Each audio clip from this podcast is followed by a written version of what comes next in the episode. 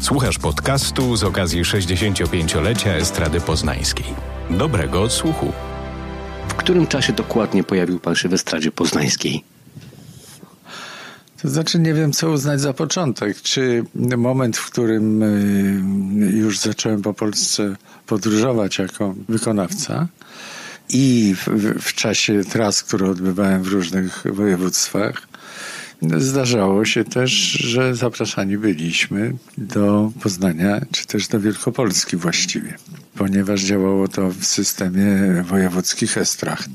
Między jedną z takich była Estrada Poznań, która y, słynęła z tych wiodących, czyli była bardzo poważna y, firma y, we Wrocławiu, Śląsku, Warszawie i taką najpoważniejszą poza tym była właśnie Estrada Poznań.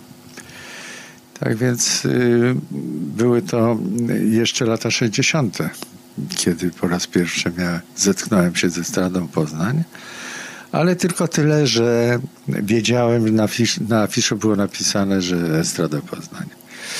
I tyle. Natomiast tak na dobrą sprawę w roku 70 Razem z zespołem, z którym współpracowałem, y, byli, zostaliśmy zaproszeni przez ówczesnych dyrektorów Estrady Poznań, Stanisława Nowotnego i Zbigniewa Napierały, do stałej współpracy. I tak się zaczęły moje później już, jak się okazało, wieloletnie związki z y, Estradą Poznań. Y, później doszedł jeszcze Teatr Polski w Poznaniu. Tak więc w Poznań wrosłem na dłuższą chwilę czyli ten czas powiedzmy polskiego rock'n'rolla, polskiego big beatu, kiedy pan jeszcze był związany z zespołem Dzikusy w tym jego późniejszym składzie, tuż przed e, karierą solową, to jeszcze ta estrada poznańska nie pojawiała się na horyzoncie. wiedziałem, że ona jest, ale nie byłem co najwyżej gościem estrady, a nie jej współpracownikiem. Ale takie poważniejsze kontakty zaczęły się w momencie e, pana kariery solowej, już po odejściu z zespołu. Tak, już wtedy, kiedy byłem po Hejhan Nowopolu, które zadecydowało o dalszych y, moich losach. I w różnych, y, różnych próbach konfigurowania się zespołowego znalazł się i taki, gdzie pojawiły się Alibabki. I już jako właściwie zalążek gotowego zespołu, czyli Ani Babki, i ja, i grupa Henryka Wojciechowskiego zostaliśmy en bloc y, zaproszeni do współpracy przez Estradę Poznań. Dotarłem do takich wspomnień, że przed y, pamiętnym festiwalem w Opolu w roku 1972 właśnie razem z Alibabkami przygotowywał się pan w salach Estrady Poznańskiej, nim e, ruszyliście bezpośrednio. Do takich informacji dotarłem z Poznania do Opola. Tak, to prawda, to była nasza baza. Mieliśmy dwie bazy. Jedna była w Warszawie, w, warszawskie, w Warszawskim Towarzystwie Muzycznym, bo wszyscy byliśmy z Warszawy, więc taniej było Estradzie Poznań wynająć nam salę na prób w Warszawie, niż nas wszystkich trzymać w hotelu, w hotelach w Poznaniu, bo to było paręnaście osób. I więc to była nasza jedna baza, a jak już program się zamykało i przygotowywało ostatecznie, no to przyjeżdżaliśmy do Poznania i próbowaliśmy na Masztalarskiej. Tam, gdzie w tej chwili swoją siedzibę ma scena na piętrze, e, w tym samym miejscu, choć ono wtedy zupełnie inaczej wyglądało. Bardzo inaczej wyglądało, ale też my próbowaliśmy w jednej sali, a, a w sali naprzeciw y, próbował tej, który się wtedy właśnie zakładał z Piotrem Sowińskim, nieżyjącym już artystą, aktorem i reżyserem, który w tym czasie był dyrektorem artystycznym estrady. E, to jest bardzo ciekawy czas i ja będę tutaj drążył ten moment. E, e, Alibabki i pan przyjeżdżacie pociągiem zapewne z Warszawy do Poznania.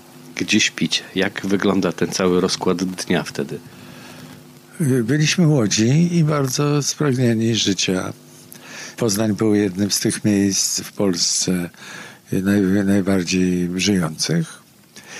Więc siłą rzeczy mm, mieliśmy kontakt ze środowiskiem e, poznańskim nie tylko muzycznym, ale także aktorskim. Bywaliśmy w klubach studenckich po pracy, gdzie naj, najbardziej po drodze najbliżej było do Odnowy, która, który to klub wtedy był y, od frontu po lewej stronie w piwnicy, w zamku.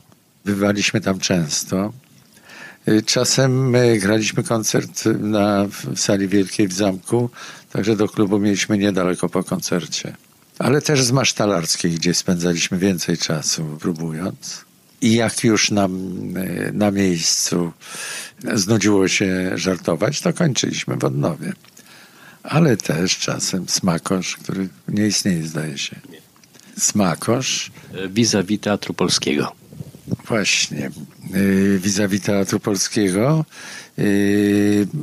który smakosz był pełen, y, jakby nasączony tradycją artystyczną.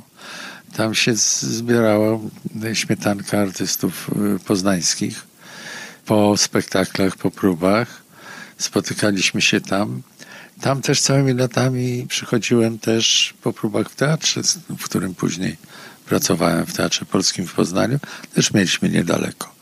Na szczęście y, Poznań, ta jego główna część, w której y, toczy się życie, jest zamknięta między rynkiem koło bazaru. Z drugiej strony kończył się na Merkurym, no może na Teatrze Nowym, ale to już y, z przyczyny, z przyczyny, że wypadało niż bali. To już było właściwie poza Poznaniem, teatr nowy. Y, choć chętnie tam bywałem, bo to był dobry teatr. Nie wiem, jak w tej chwili dawno nie byłem. Więc to życie było dosyć kolorowe, zważywszy na fakt, że bardzo jeszcze wtedy mm, świeże i żywotne y, żart, jakiś nowy typ żartu, który wprowadzał, wprowadzał Laskowik z z, z jaślarem. Ten żart brzmiał tak świeżo, że był szokiem dla, dla Polski, jak się później okazało. A nam się dobrze bywało razem, nie tylko zresztą na, y, na bankietach czy klubach studenckich, ale także na wspólnych, wspólnych wyjazdach, koncertach, które prowadził y, czy Zenek Laskowik, czy, czy Jaślar, czy też obaj naraz. Słysząc o kolorowym, barwnym życiu artystycznym Poznania, myślę, że wielu słuchaczy może się zdziwić, że to nie jest mowa o Krakowie, że to nie jest mowa o Warszawie, ale że taki właśnie na początku lat 70. był Poznań. No, ja go tak czułem. Y, zawsze w naszych, w naszych ocenach jest pewna doza subiektywizmu. Wszystko zależy, co człowieka spotyka i co go dotyczy. Ja miałem szczęście być w najlepszym możliwym towarzystwie, yy, w cudzysłowie, bo nie dla wszystkich to było dobre towarzystwo. Zapewne dla mieszczan z Tuwima nie, nie było to dobre towarzystwo.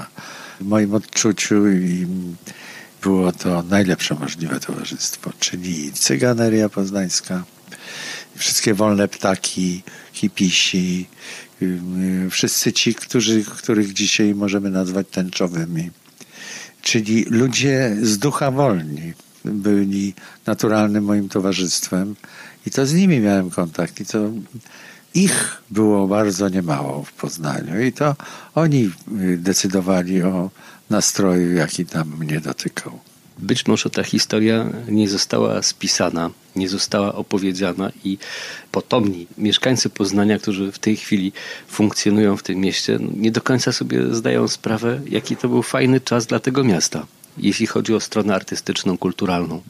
Ja przypominam sobie ten fakt, bo Poznań się często kojarzy z, z, takim miejscem. Czasem poznaniacy, czasem chcieliby tak widzieć swoje miasto też z jakimś takim miejscem straszliwie mieszczańskim. Jest porządek. No w Warszawie też się zrobił porządek. To, ja myślę, że to nie o to chodzi i wcale nie bardziej y, mieszczański niż y, Kraków y, na przykład jest Poznań. A spotkała mnie na przykład taka rzecz, taka w Poznaniu, która zapewne w Polsce gdzie indziej mogłaby się źle skończyć, jednak było to w Poznaniu. Otóż po jakimś bankiecie y, popremierowym y, w teatrze ruszyliśmy z Wiesiem Komasą do taksówki. żeby pojechać na dalszy ciąg. Gdzie się wybieraliśmy, tego już w tej chwili nie pamiętam. Pamiętam tylko, że Wiesio był wtedy zafascynowany balladą dla potęgowej z tekstem Stachury, którą ja wykonywałem. W związku z tym zaczął na tym, na tym postoju taksówek zaczął śpiewać. Ja się do niego dołączyłem i o drugiej nad ranem w tym mieszczańskim Poznaniu, w środku miasta, koło starego niemieckiego teatru, tam gdzie są te sklepy, koło Placu Wolności, na tym postoju. On tam, nie wiem czy dalej jest, ale zawsze tam był postój taksówek.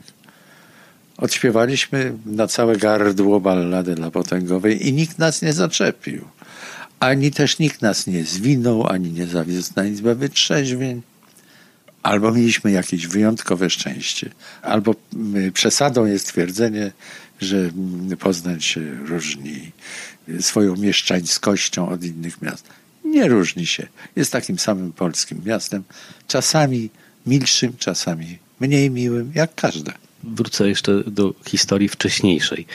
E, Sekstet Krzysztofa Komedy powstaje w Poznaniu. Przez e, dwa lata e, działa dosyć sprawnie, działa w Poznaniu. Jeżdżą na pierwszy festiwal jazzowy do Sopotu, jeżdżą na drugi festiwal jazzowy do Sopotu z Poznania. No i później czegoś zabrakło. Komeda przenosi się do Krakowa, później do Warszawy. I tak jest na przestrzeni ostatnich dekad z wieloma artystami, poznańskimi artystami. Nie, nie umiem się wypowiedzieć na ten, na ten temat. Mam za małą wiedzę. Wiem, że byli tacy artyści, którzy zostali. No co prawda mm, mój przyjaciel jednocześnie związany także z nami rodzinnie do pewnego stopnia, Wiesław Komasa, y, wyniósł się nie tyle z Poznania, ile po prostu mm, pojechał za Wiśniewskim, czyli za teatrem, w którym chciał pracować i przez lata pracował jako jeden z głównych artystów u, y, u Wiśniewskiego, bo mu, bo mu pasował ten teatr. Oczywiście y, w Poznaniu są mniejsze możliwości niż w Warszawie. Więc y, każdy artysta z Poznania no, woli, bo tutaj jest kino, telewizja, ta główna, czy też te główne telewizje teraz już. I naturalną jest rzeczą, że szuka się, jedzie się jedzie się tam, gdzie jest y, praca i możliwości rozwojowe. W Stanach też z Nowego Jorku się jeździ do Hollywood. Za czym? Czy znaczy, że Nowy Jork jest dziurą? Nie, jeśli się chce y, istnieć w kinie amerykańskim, to trzeba pojechać do Hollywood. Tyle. Ale też wracając do estrady lat 70., rozmawiałem e, z wieloma osobami, które jakby współtworzyły wtedy estradę i każda z nich wypowiadała podobne zdanie. E, Warszawa miała pieniądze, Poznań miał artystów. Jak e, na tamte czasy, w latach 70., plejada największych polskich gwiazd była związana właśnie z estradą poznańską. Ale to nie jest tak, ponieważ estrada poznańska dysponowała też funduszami ponieważ gospodarzami, dyrektorami tej firmy oraz ich, tej firmy księgowi potrafili się rządzić. Firma była jedna z bardziej posażnych w Polsce, więc stąd, stąd ci artyści tam byli, bo inaczej skąd by się wzięli? Wzięli się dlatego, że mieli tam pracę, czyli mieli tam płacę. Tu nie chodzi o etaty, tu chodzi o ilość ważnych imprez, które się w Polsce grało, którym patronowała Estrada Poznań. Na przykład cały cykl y, koncertów wiosny estradowej. Taki był ogromny cykl ogólnopolski, gdzie Estrada, Estrada Poznań właśnie zrobiła imprezę ogólnopolską i działo się to w całej Polsce i było bardzo, bardzo poważną imprezą. Stąd ci artyści. Nie dlatego, że że miasto Poznań było piękne, choć miasto Poznań jest piękne. I nie dlatego, że, że tam y, byli inni artyści, tylko dlatego, że było zaplecze sprzętowe, ludzkie, sceniczne yy, i finansowe. Słyszałem takie opinie, że Strata Poznańska była mm, pierwszą z takiego prawdziwego zdarzenia agencją koncertową, agencją artystyczną, tak jakbyśmy to ujęli w dzisiejszym e, jakby obrazie rynku muzycznego w Polsce, że to była firma, która dbała od początku do końca o artystę, łącznie z tym, e, jak e, się poruszać ma na scenie, jak ma być ubrany, w co ma być ubrany, że estrada w wielu przypadkach i do takich informacji również dotarłem, jakby ubierała tych artystów i, i, od A do Z zajmowała się nimi w takim znaczeniu, jak to dziś się dzieje w rynku muzycznym, e, w show biznesie. Na ile ten siermiężny show biznes tamtejszy był show biznesem, to tak, rzeczywiście. Nie była to sytuacja codzienna, żeby Estrada inwestowała w swoich artystów. Estrada Poznań inwestowała. Ja też poczułem te inwestycje, ponieważ Estrada przede wszystkim pomagała tworzyć programy. Czyli stwarzała bazę, w której mogli artyści się spotkać i przygotować program. Y, że przypomnę kilka rzeczy, tu wspomniany tej. Powstał, to nie powstało tak sobie, y, że wczoraj było, dzisiaj nie. Nie, Estrada stworzyła bazę, w której zgromadziła artystów, którym płaciła za to, żeby próbowali przygotować kabaret. Zapłaciła za scenariusze, za teksty. No w konsekwencji być może kupiła też garnitury, ale to był tylko dodatek do wysiłku y, organizacyjnego i artystycznego y, wcześniej zrobionego.